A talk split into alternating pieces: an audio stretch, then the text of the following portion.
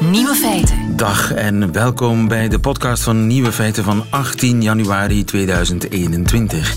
In het nieuws vandaag dat Duitse ambtenaren tegenwoordig moeten raden hoe oud iemand is. Ouderen staan vooraan in de rij om een coronavaccin te krijgen, ook in Duitsland. Maar volgens de minister van Volksgezondheid in Neder-Saxe krijgen ambtenaren die de vaccinatieplanning moeten opstellen geen toegang tot persoonlijke gegevens van burgers wegens de zeer strenge privacyregels in Duitsland. En dus besloten die ambtenaren in sommige gevallen dan maar te gaan raden naar iemands leeftijd op basis van zijn naam. Een Hans bijvoorbeeld, of een Agnes of een Klaus. Stuur die maar een uitnodiging, die zal wel 80 zijn. Terwijl er tieners zijn die Hans, Agnes of Klaus heten. En nu zijn er ook tachtigers die Lucas of Lara heten, die niet worden uitgenodigd. Tja, organiseren en Duitsers, het gaat moeilijk samen. De andere nieuwe feiten vandaag, de oehoe is helemaal terug van weg geweest. De uil, de oehoe-uil. De avondklok in Frankrijk moet de Fransen vooral van het aperitief afhouden, zegt onze man ter plaatse Alex Visorek. Er is een nieuw werkwoord in het Nederlands: zeeleeuwen. En in Canada betaalt het ziekenfonds soms een museumticket terug. De nieuwe feiten van Jovan Castiel hoort u in haar middagjournaal. Veel plezier. Nieuwe feiten. Zou het kunnen dat u uh, dit geluid meer en meer hoort in de Vlaamse bossen? En u herkent het geluid misschien ook. Het is de oehoe. En ze zijn uh, met steeds meer in uh, Vlaanderen. Gerald Driesens, goedemiddag. Goedemiddag. De oehoe, dat is toch dat prachtige beest, hè? Ja, een uil ter grootte van een buizerd. Dat is een gigantisch beest. En uh, de vrouwtjes zijn een pak groter dan de mannetjes. En uh, ze zijn helemaal terug. Dus uh, alleen de provincie West-Vlaanderen zal het een beetje trager gaan doen, omdat ze natuurlijk veel minder bossen hebben. Maar in de rest van Vlaanderen zijn ze helemaal terug. Prachtige, okerkleurige, oranje ogen. En dan die, die gekrulde bek en die uitstaande oortjes. En die blik alsof zij het wereldraadsel wel al hebben opgelost. Ja, zo is het. Zo is de uil gekend natuurlijk. Hè. En Oehoe is misschien wel een van de meest uh, ja, typerende uilen, die de, die de uil het meest typeert, vanwege die, die rode ogen en die oorpluimen. Dus ook kennen de meeste mensen hem uiteraard. Tien jaar geleden was hij toch bijna uitgestorven? In Vlaanderen? Uh, Hoe wel, komt dat? We spreken eigenlijk uh, over langer geleden. Dus uitgestorven was hij tot de jaren 70 eigenlijk. En dan zijn ze in Wallonië geleidelijk aan teruggekomen. En sinds een 10, 15 jaar zitten ze terug in, in Vlaanderen. Ze zijn begonnen in Limburg en nu schuiven ze meer en meer op richting Westen. En hoe komt dat? Wel, we zien natuurlijk bij uh, populaties van vogels altijd wel trends. Maar bij roofvogels is het wel redelijk verklaarbaar, omdat die heel lange tijd gebukt hebben gegaan onder uh, zware vervolging, gebruik van pesticiden enzovoort, uh, afschot in de jacht. dus dat is allemaal nu heel sterk gereglementeerd. Ze verdienen een, een ja, uitstekende bescherming uiteraard. Dus ze doen het goed en hun prooien zijn er ook voldoende. Hè, want ze eten vooral ratten en kraaien bijvoorbeeld. En die hebben we uiteraard genoeg. Dus er is geen enkel probleem. Jij bent ornitholoog bij Natuurpunt. Uh, tellen jullie? Misschien zijn er intussen al een beetje te veel, zodat het evenwicht verstoord wordt? Uh, wel, dat is het, uh, het grote voordeel van roofvogels en predatoren in het algemeen. Daarvan kan je er eigenlijk nooit te veel hebben. He, omdat hun, hun, eigen populatie wordt gewoon geregeld door het aantal prooien. zijn er op een gegeven moment te veel predatoren, wat in principe niet kan, dan zou je gewoon te weinig prooien krijgen. En zonder voldoende prooien heb je niet voldoende ja, heb je gewoon minder predatoren. Dat is een, een, een systeem van vraag en aanbod dat zichzelf regelt. Dat klopt, dat klopt. Okay. Net zoals bij de aalscholver bijvoorbeeld, die het van vis moet hebben. En uh, hebben we enig idee hoeveel uh, uilen we, hoe uilen we er nu hebben? Wel, onze huidige schatting ligt ongeveer, voor Vlaanderen dan, uh, ligt op uh, 40 tot 50 uh, broedparen. maar de kans is heel groot dat dat een sterke onderschatting is. En dat is gewoon omdat de oehoe veel meer onder de radar blijft dan we zelf zouden durven vermoeden. ondanks zijn formaat van een buizerd is hij uiteraard alleen s'nachts actief. En in Wallonië hoor je hem tot heel grote afstanden roepen, omdat ze daar vooral in steengroeven gaan broeden. En daar fungeert die steengroef als een soort klankkast. dus zijn, zijn geluid wordt echt geboost over grote afstanden daar. Maar hier bij ons broeden de oehoes in bosgebieden. En daar wordt dat geluid heel sterk gedempt door de bomen en, de, en het bladerdek uiteraard. Ze zijn moeilijk te vinden. Ze zijn beetje schuwe nachtdieren. Kun je ze ook in de stad zien? Ze zijn schuw, dus de, de wilde oehoes zijn zeker schuw en ook heel verstoringsgevoelig. Uh, we merken dus bijvoorbeeld dat heel veel Vlaamse broedparen in privébosdomeinen gaan broeden, waar veel minder verstoring is, waar heel weinig toegankelijkheid is. Uh, dus dat, dat zien we wel meer en meer. Maar we zien bijvoorbeeld ook in de steden wel oehoes en uh, het, ja, dat is eigenlijk wel een klein nadeel, want dat zijn bijna uitsluitend ontsnapte kooivogels. De oehoe is spijtig genoeg nog altijd een heel populaire kooivogel. Uh, en als die ontsnapt, dan gaat hij zich settelen in een stedelijke omgeving, omdat ze daar ook in opgebracht zijn eigenlijk.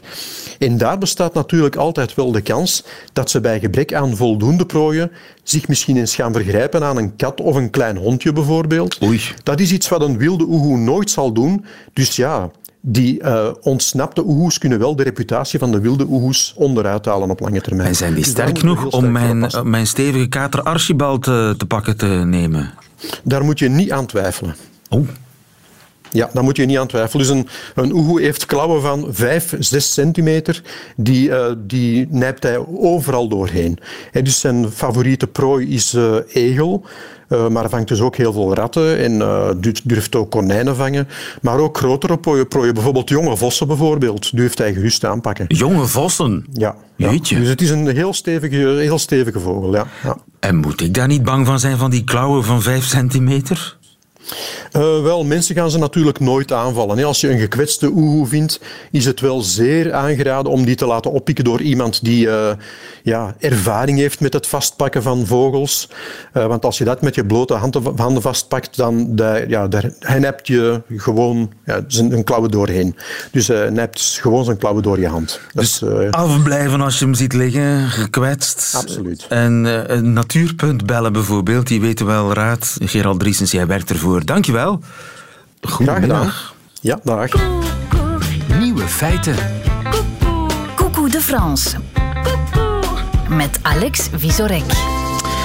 Hoe zou het nog zijn met Alex Visorek, inderdaad, eh, mijn collega bij France Inter. Eh, goedemiddag, Alex. Goedemiddag, lieven. Hier ben ik weer vanuit Frankrijk, waar er deze week een draconisch maatregel genomen is. Le couvre-feu s'appliquera à compter de 18 heures à partir de ce samedi et pour au moins 15 jours. 15 dagen lang geldt er een avondklok vanaf 6 uur s'avonds. Iedereen in zijn kot. Ja, om de eh, derde golf van het coronavirus te vermijden. De cijfers gaan niet echt de goede kant op en de regering wil de Britse variant eh, van het virus zo vlug mogelijk afremmen. En je moet wel weten dat er hier geen sprake is van een sociale bubbel of van knuffelcontacten. Maar het bericht is hetzelfde. Blijf in uw kot, zoals u heeft het gezegd. Vanaf nu gaat dus om 18 uur alles dicht. Geen supermarkten, geen takeaways van restaurant meer. Iedereen moet thuis blijven en die maatregel is er gekomen met een wel bepaald doel.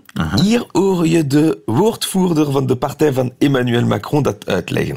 L'intérêt du couvre-feu à 18h, c'est de contrer l'effet apéro, euh, si je puis dire. Le contrer l'effet apéro.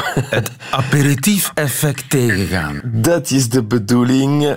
Daarom wil de regering zo'n vroege avondklok, omdat om 18 uur... Viens boire un petit coup à la maison. Il y a du rouge, il y a du blanc et du saucisson. Voilà, et Gilou avec son petit accordéon. Frankrijk is daar. 18 uur is het uur van het aperitief of l'apéro, zoals de Fransen het afkorten om minder te spreken en vlugger te drinken.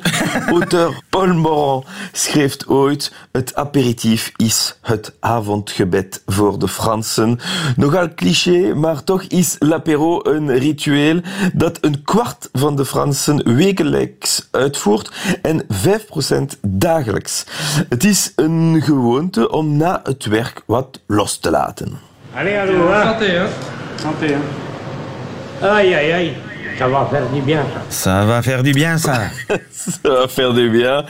En u heeft het begrepen, l'apéro à la française, natuurlijk gaat dat gepaard met wat een beetje alcohol. Ça, c'est la France, quoi. Une bonne bouteille, mais... Là, il y a toujours une bonne bouteille sur la table, ça, c'est évident. Mais c'est pas pour ça qu'on est alcoolique. C'est pas pour ça qu'on est alcoolique. Oh nee, natuurlijk niet. Het is niet omdat we altijd een fles op tafel hebben staan dat we alcoholieker zijn. Tuurlijk niet. Zeker niet. maar het gaat niet. om meer eh, dan enkel drinken. Zo zegt Louis de Funès het uit in de film La Soupe aux Choux. Een film waar een Franse boer bezoek krijgt van een alien. En wat doen ze samen? Aperitieven, natuurlijk, met een canon de pinard, een glasje wijn. Une minute Le canon, faut comprendre aussi que c'est pas seulement du pinard, mais que c'est de l'amitié. Aha, het gaat niet alleen om de wijn, maar ook om de vriendschap. De vriendschap en het gaat om meer. En eh, dat is waarom de bekende acteur Fabrice Lucchini, die, laten we zeggen, babbelachtig is, eh, een afkeer heeft voor aperitieven. Moi, j'aime bien dîner direct, tu vois. Là, l'apéritif, ça dure une heure, on bouffe. Au niveau du ventre, on grossit, le cholestérol te nique les artères. Et les Français aiment dire, allez, un petit apéro encore. Je dis, mais moi, je voudrais becter. Hij wil thee. Hij wil boefen. Eten, ja, Direct. eten, boefen. En direct, eh, geen lange apero's. Maar in Frankrijk kan je vaak aperitieven On peut aussi être invité juste pour l'apéro, à la campagne, par les voisins par exemple. Alors, il ne faut pas rester trop longtemps. Vous êtes censé prendre un verre ou deux, mais après, hop, retour à la maison. Terug, terug naar huis. Na, Voilà, na de regel. twee glazen. Dat kan dus ook in Frankrijk. Ja, eh, dat is een uitnodiging alleen voor het aperitief. En je snapt nu waarom eh, het ideaal is voor de verspreiding van het virus. Emmanuel Macron heeft eerder al gewaarschuwd. Ce virus n'aime pas l'art de vivre à la française. Ce virus n'aime pas l'art de vivre à la française. Het virus houdt niet van de Franse levensstijl. Of juist wel. Zeker. Ja, of misschien te veel, juist. maar eh, zelfs de minister van Gezondheid zei een tijdje geleden, toen de winkels sloten, dit. Monsieur le député, je ne sais pas comment expliquer à un Français, ou en tout cas moi je ne suis pas sûr de pouvoir expliquer à un ami, pourquoi il aurait encore le droit d'aller acheter un jean, mais qu'il n'aurait pas le droit de prendre l'apéritif chez un ami. Ja, leg dat maar eens uit. Ik kan nog een jeans gaan kopen, maar ik kan niet meer aperitieven. En nu moet Olivier Véran, de minister, het wel uitleggen, niet alleen aan een ami, maar aan alle Fransen. Maar ook aan de mensen die gewoon om 18 uur hun boodschappen moeten doen of de kinderen halen en voor wie het leven een pak moeilijker wordt, wat niet ideaal is om de bevolking gemotiveerd te houden. Ondertussen is het ongeveer 20 na 12, lieven. Eh, Ik weet niet hoe het bij jou zit, maar ik heb nog even tijd voor een apero. Voordat ik boodschappen ga doen. Ah ja, je moet Tot nog boodschappen doen, week. dus inderdaad. L'apéro om eh 20, 25 over 12 moet kunnen. Dankjewel, tot volgende, volgende week. Bedankt. Alex Tot volgende Viesorek. Radio 1. Nieuwe feiten. Twee keer per maand naar eh, theater op doktersvoorschrift. Of een eh, roman lezen omdat het moet van de dokter. Het museum als medicijn. Het klinkt een beetje halfgaar. Maar dat is het niet, volgens professor arbeidsgeneeskunde Lode Goderis. Goedemiddag, professor. Goedemiddag. U staat mee aan de wieg van Hercule. Een uh, groep wetenschappers van diverse plumage die in Leuven aan de universiteit de impact gaan onderzoeken van cultuur op gezondheid. Ja, inderdaad. We gaan kijken naar cultureel erfgoed en zien in welke mate dit een rol speelt uh, bij het welzijn en ze zich goed voelen van mensen. Ja. Helpt cultuur tegen tandpijn? Goh, een cultuur op zich, tandpijn is, is iets acuut. Hè, en daar denk ik dat het beste is om een pijnmiddel te nemen. Maar wat we bijvoorbeeld wel zien, is dat de pijn kan verminderen door uh, het tekenen, hè, de tekentherapie, dat vaak bij kinderen trouwens in de tandartsgeneeskunde uh, wordt uh, gebruikt. En op die manier krijgen de kinderen wat meer afleiding, voelen minder pijn en zitten ze ook wat in, Ah, ja. in, uh, in de stoel. Maar dat is natuurlijk actief creëren, hè? Ik dacht Mhm. dat het ging over passief ondergaan of beleven van cultuur. Ja, inderdaad. Maar wat je daar dan ziet in de passieve beleving van cultuur, zie dat dat vooral een, een goede impact kan hebben bij chronische pijn. Dus minder in die acute pijn. Het voordeel van die eh, chronische pijn is dat mensen door die afleiding, maar ook door ja, in contact komen met, met eh, andere mensen, zie dat dat toch eh, bijdraagt aan, die, aan het activeren, het, het in beweging blijven van mensen. En dat helpt eigenlijk prima eh, Ja. tegen chronische pijn. Maar dat is dan het sociale aspect. Hè? Je gaat samen naar het theater, samen naar het museum, samen naar de film. Je zou ook net zo goed eh, samen gaan eh, wandelen of gaan langlopen of, of gaan petanken. Ja, inderdaad, maar niet iedereen doet graag sport. En in die zin, het cultuur beleven kan inderdaad ook zorgen voor die fysieke activiteit en daarbij eh, dat stimuleren. De sociale interactie is ook belangrijk. Maar wat misschien ook wel interessant is, is dat men eigenlijk gezien heeft in onderzoek hè, dat een, een esthetieke ervaring eh, kan je eigenlijk gaan waarnemen in de hersenen. Eh, ter hoogte van de prefrontale cortex, vooraan aan de hersenen. En die zones die oplichten bij zo'n esthetieke ervaring, die lijken ook geconnecteerd te zijn met die neuronen die ook instaan voor de regeling van emoties. Dus in die zin is er ook wel een biologische verklaring te vinden voor tussen de link tussen die esthetieke ervaring en, laten we zeggen, hoe dat we ons mentaal eh, voelen. Ja. Ja, ik merk het zelf. Als ik naar een tentoonstelling ben geweest en ze heeft mij geboeid, ja, dan, dan loop ik de rest van de dag op wolken eigenlijk. Mhm, Ja, en dat is eigenlijk ook artsen in Canada, bijvoorbeeld in Montreal. eh, die hebben eigenlijk de mogelijkheid sinds 2018 om eigenlijk een museumbezoek voor te schrijven. Ik was eerlijk gezegd ook verrast toen ik dat las. Maar Dus ook het aan- gebeurt op andere plaatsen in, in. Canada? Het gebeurt echt. Ja, in Canada, in Montreal, is er een samenwerking met musea. En men gebruikt dat enerzijds als aanvullende therapie bij mensen met bijvoorbeeld eh, depressie. Maar men wil het ook gaan uittesten preventief. En zeker bijvoorbeeld nu in deze coronatijden, waar we met z'n allen zich toch wat minder goed voelen. En dat museumbezoek dan toch mogelijk eh, blijft, is men ook aan het eh, onderzoeken in welke mate dit ook preventief kan eh, gaan Ja. werken. En, dus kunnen ze in Canada kunnen ze dan hun ticket sturen naar het, ziek, naar het ziekenfonds?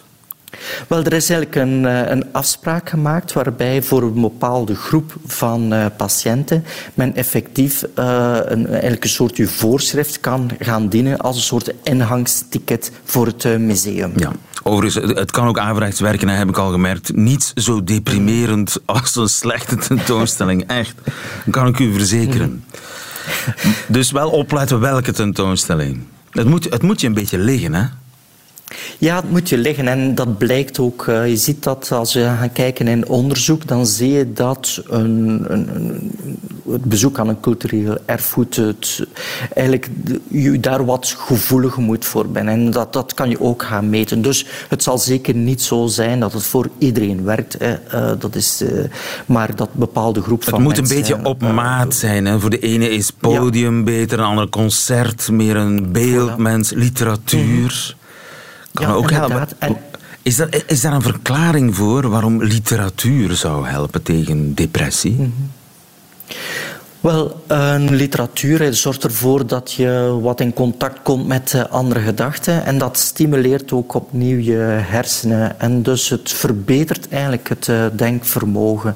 Uh, het, het, brengt je ook op, op andere ideeën en het laat je ook wel wat wegvoeren van de realiteit. Dus er zijn daar eigenlijk ja, verschillende verklaringen voor. Ja. Of je vindt een schrijver die precies voelt wat jij voelt. En mhm. die, dat geeft dan een soort band natuurlijk. Het, is echt een, het kan een hele intense ontmoeting zijn. Ja, het kan een intense ontmoeting zijn, maar soms zet het ook mensen aan tot het zelf neerpennen van hun eigen verhaal. En dan zit je in de schrijftherapie en het kunnen, zich kunnen afschrijven van bepaalde emoties en, en, kan, en gevoelens kan daarin echt wel een belangrijke rol spelen in, in therapie. Hetzelfde geldt trouwens met schrijven uh, en ook uh, schilderen en uh, musiceren. zijn allemaal vormen die kunnen helpen bij het uiten van bepaalde gevoelens en emoties. Een boek als medicijn. Lode Goderis, dankjewel. Goedemiddag en veel succes. Graag gedaan.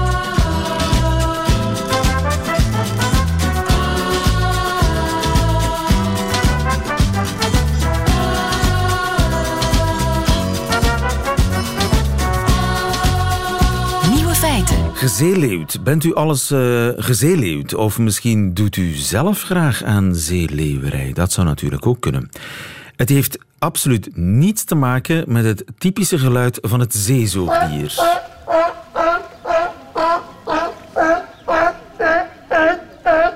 Het schijnt wel even saai te zijn. En even vervelend. Zeeleeuwen. Mark van Oostendorp, uh, goedemiddag. Goedemiddag. Je bent onze huistaalkundige. Zeeleeuwen, dat is iets wat je doet. Hè? Het is een werkwoord. Het is een werkwoord en het is een nieuw werkwoord. Dus het is, je, je kunt het op internet vinden, maar je kunt het nog niet eens zo heel erg veel vinden.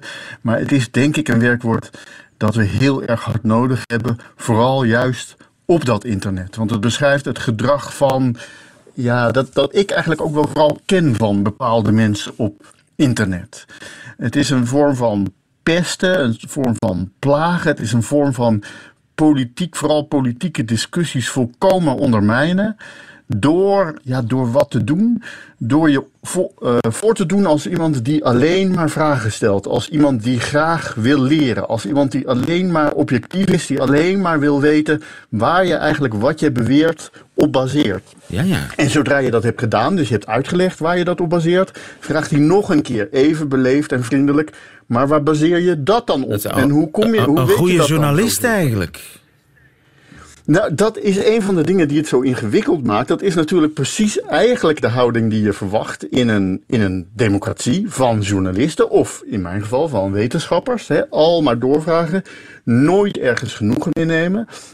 Maar uiteindelijk moet je natuurlijk uh, nemen we allemaal dingen aan? Moet je met dingen, bepaalde dingen genoegen nemen? Ik, een van die discussies die ik had ging over uh, uh, de, de, Amerikaanse verkiezingen. En er was iemand die zei, nou ja, ik, ik was in discussie met iemand die, geloof, die niet geloofde dat Joe Biden gewonnen had. En uh, die heb ik uiteindelijk van, dus dat was een zeeleeuw, want die deed zich heel vriendelijk voor en bleef maar vragen en bleef maar vragen. Maar die heb ik uiteindelijk teruggezeeleeld, zo gezegd, door te vragen, maar hoe weet u dan zo zeker dat Donald Trump en Joe Biden eigenlijk echt bestaan? Ja, ja, ja, ja, ja. Hoe weet je dat zo zeker? Dat is eigenlijk dat het, ook... het favoriete wapen van de zeeleeuw. Hoe weet je dat zo zeker? Bijvoorbeeld, Thierry Baudet die heeft tijdens de bezetting van het Capitool uh, via Twitter zijn steun betuigd aan Trump. Achteraf heeft hij gezegd: nee, nee, dat was niet tijdens, dat was ervoor. Ik heb niet getwitterd tijdens, maar voor de, de rellen, voor de bestorming van het kapitool. Ik kan dan bijvoorbeeld twitteren: Thierry Baudet ligt nu over zijn steun aan Trump tijdens de bestorming van het kapitool. En nu mag jij mij zeeleeuwen. Bijvoorbeeld. Wat zeg je ja. dan? Nou ja, hoe, hoe, hoezo? Hoe, hoe weet u dan dat hij ligt? Ik, ik uh, vind dat wel interessant om dat te weten. Dan ben ik heel slim, want ik heb een screenshot een uh, screenshot van de tweet met de datum en de tijd. Voilà, stuur ik door naar jou. Daar heb je niet van terug. Oh ja, meneer. Maar dat, dus ik vind dat heel, op zichzelf heel interessant. Maar we kunnen natuurlijk nooit zeker weten of die datum en die tijd niet achteraf zijn toegevoegd. Hoe, hoe kunt u dat precies bewijzen? Ja, dan zeg ik, Die afbeelding is geverifieerd door CNN. Voilà. Gecertificeerd ja, door CNN. Dan, dan moeten we... Het komt van CNN. Ja, oké, maar hoe weten we zo zeker dat we... We weten van CNN dat hij uh, duidelijke politieke uh, voorkeuren heeft. Dus... Uh, ja, Lazarus op, man. Helemaal bevredigend. Zeg ik nou ja, dan. En dat is het, dus dat is het probleem. Het is iemand die volgt op, op een bepaalde manier de regels van het redelijke debat. Maar voert dat zo ver door dat je uiteindelijk, ja, je kunt niet meer reageren. Want je kunt niet je hele leven vervolgens gaan besteden aan het onderbouwen van jouw onderbouwing en daar dan weer de onderbouwing van. Um, je, je kunt boos worden, zoals uh, jij nu werd. Ja, dan verlies ik. Uh, maar dan zeg ik, ja, maar meneer, ja, meneer, uh, ik, vraag, ik stel alleen maar wat vragen. Ik, uh, ik blijf beleefd. En, je, en jij, zo kunnen we natuurlijk ja, niet discussiëren. Ja, en jij ja. Dus, onbeleefd. dus of je loopt weg, of je houdt ermee op. En ook dan, dus je kunt eigenlijk alleen maar verliezen. Dat, ja. en, maar of je is kunt dus heel lang doorgaan is... en dan ga je heel veel tijd verliezen natuurlijk. Dus je verliest altijd. ja, precies. Dus je, verlie je verliest altijd... En het is ook heel, een heel moeilijk probleem. Ik, dus het is heel fijn. Kijk, waarom is het fijn om zo'n woord te hebben? Omdat dit een fenomeen is dat dus heel veel mensen kennen in onze huidige communicatie. En het gaat, dat kan ook alle politieke richtingen opgaan. Hè? Dat is niet gebonden aan een bepaalde politieke uh, richting. Maar het, dus heel veel mensen herkennen het. Maar doordat het een naam heeft, wordt het een soort groep van dingen. Hè? Kun je die dingen opeens bij elkaar plaatsen? Kun je opeens denken, oh ja, dat is mij ook wel eens overkomen. En toen vond ik dat alleen maar irritant van die persoon. Maar nu begrijp ik dat het een verschijnsel is. Ja. Dus dat is heel uh, fijn. Maar wat je er dan precies aan moet doen, is dus heel moeilijk te zeggen. Omdat ja. je... Niet meteen, aan beginnen. Meteen, niet dus als aan iemand, beginnen. meteen niet als iemand een vraag stelt... Uh, ja, sorry. Nee, dus met, als je meteen als iemand een vraag stelt, die persoon dan gaat zeggen: Ja, u bent een zeeleeuw. Dat is natuurlijk ook weer niet nee. aan de orde. Nee. Hè? Het komt erop aan Dus, om ze eh, te identificeren, de zeeleeuw, voordat je in discussie gaat met een zeeleeuw. Denk ik. Maar dat kan, dat kan niet. Dat, Dat kan is niet. heel dat moeilijk. Dus ja, het kan niet. Dus je, het is, het, kijk, het gaat erom, dus mensen hebben gezegd, dus in het, in het Engels, het komt uit het Engels, hè, dus in het Engels bestaat het al een tijdje, sea, lion, sea lioning. En uh, er zijn mensen die dan zeggen, ja, je hebt dus uh, serieuze skepsis, of ze noemden dat kwaliteitsskepsis, in ieder geval zo vertaal ik dat. En je hebt kletsskepsis. Dus dat zijn mensen die zogenaamd sceptisch zijn, maar die dat eigenlijk nergens op baseren. Die eigenlijk helemaal geen eigen, uh, ja, die, die nooit zelf iets in de waagschaal Die durven eigenlijk helemaal niet nieuwsgierig zijn, die hebben hun conclusies al getrokken, maar die doen zich voor als Precies. nieuwsgierig. Dat is het verschil Als tussen kletsskepsis en Ja. kwaliteitsskepsis. Ja. Ik ga We jou moeten niet natuurlijk nog wel heel even zeggen over waarom het eigenlijk... Ik ga jou niet We zeeleeuwen moeten over het precieze onderscheid daartussen, maar, maar wat heeft het inderdaad met, met zeeleeuwen te maken? Doen zeeleeuwen iets van die strekking? Ehm, nou, ja, voor zover ik weet niet. Ik heb nog niet heel veel discussies gevoerd met zeeleeuwen in mijn leven. Maar het komt uit een strip. Het komt uit een Amerikaanse strip. Waarin eh, eh, iemand iets onaardigs zegt over zeeleeuwen. En vervolgens eh, wordt die persoon en zijn gesprekspartner. die worden tot in de slaapkamer achtervolgd. Oh door een zeeleeuw die op deze manier opereert. Die dus zegt: Ja, ik wil alleen maar discussiëren. Wat precies mee? Wat hebt u daar nou precies tegen? En als die persoon dan de stem verheft, zegt hij, ja, u hoeft toch niet de stem te verheffen, Ja. is alleen maar een redelijke discussie. Terwijl de persoon zegt, ga uit mijn slaapkamer. Ga uit mijn slaapkamer. Eh, en De computerlijn begint een beetje te bibberen, maar ik denk dat we de boodschap begrepen hebben. Trouwens, dat is natuurlijk ook altijd een truc om zeeleeuwen op afstand te houden. Mijn batterij is op. Sorry. ja. Misschien is dat de lijn begint te bibberen. De lijn begint te bibberen. Mark van Oostendorp, dankjewel. Goedemiddag. Radio 1. Altijd benieuwd. Dat waren ze, de nieuwe feiten van 18 januari 2021. Alleen nog die van Jovanka Stiel. De Vlaams-Amerikaanse comedienne krijgt u in haar middagjournaal. Nieuwe feiten. Middagjournaal. Goedemiddag. Het is nu de derde week van januari en dit is volgens wetenschappers de week waarin wij al onze goede voornemens voor het nieuwe jaar opgeven. Klinkt dat raar? Laat me dan dit vragen. Ben je al ooit iemand tegengekomen die nog altijd bezig is met zijn of haar goede voornemens in juli? Nee, ik dacht het niet. Dus volgens alle wetenschappelijk onderzoek is deze derde week van januari de laatste week waarin je dingen zal horen zoals geen bier voor mij, dank u. Ik ben sinds 1 januari gestopt met alcohol. Of ik moet vroeg gaan slapen, zodat ik om 5 uur kan opstaan om yoga te doen. En inderdaad, iedere keer rond het einde van de tweede week van januari waren er plots veel redenen waarom ik vandaag niet naar de fitness kon gaan, maar van plan was om het zeker morgen te doen. En daarna iets anders. En nog iets anders. Tot ongeveer de derde week van januari, toen ik eindelijk zei: Wie ben ik voor de gek aan het houden? Mij neerzetten op de zetel en een volledige zak chips uitaat. Mijn goede voornemens van vorig jaar waren leren breien, een marathon lopen en zonder accent Nederlands praten. Allemaal niet gelukt, maar gelukkig kan ik de schuld aan de coronacrisis geven. Hey Jovanka, waarom heb je zo'n irritant, zwaar accent? Ja, sorry, dat komt door de coronacrisis. Ja, oké, ik snap het. Dit jaar ben ik tot nu toe echt goed bezig met mijn goede voornemens, namelijk stoppen met klagen en stoppen met grote verklaringen te maken. En ik denk dat de kans groot is dat het deze keer wel zal lukken. Maar ik ga hier geen grote verklaringen over maken. En als het echt niet lukt, dan mag ik er zeker niet over klagen. Tot morgen.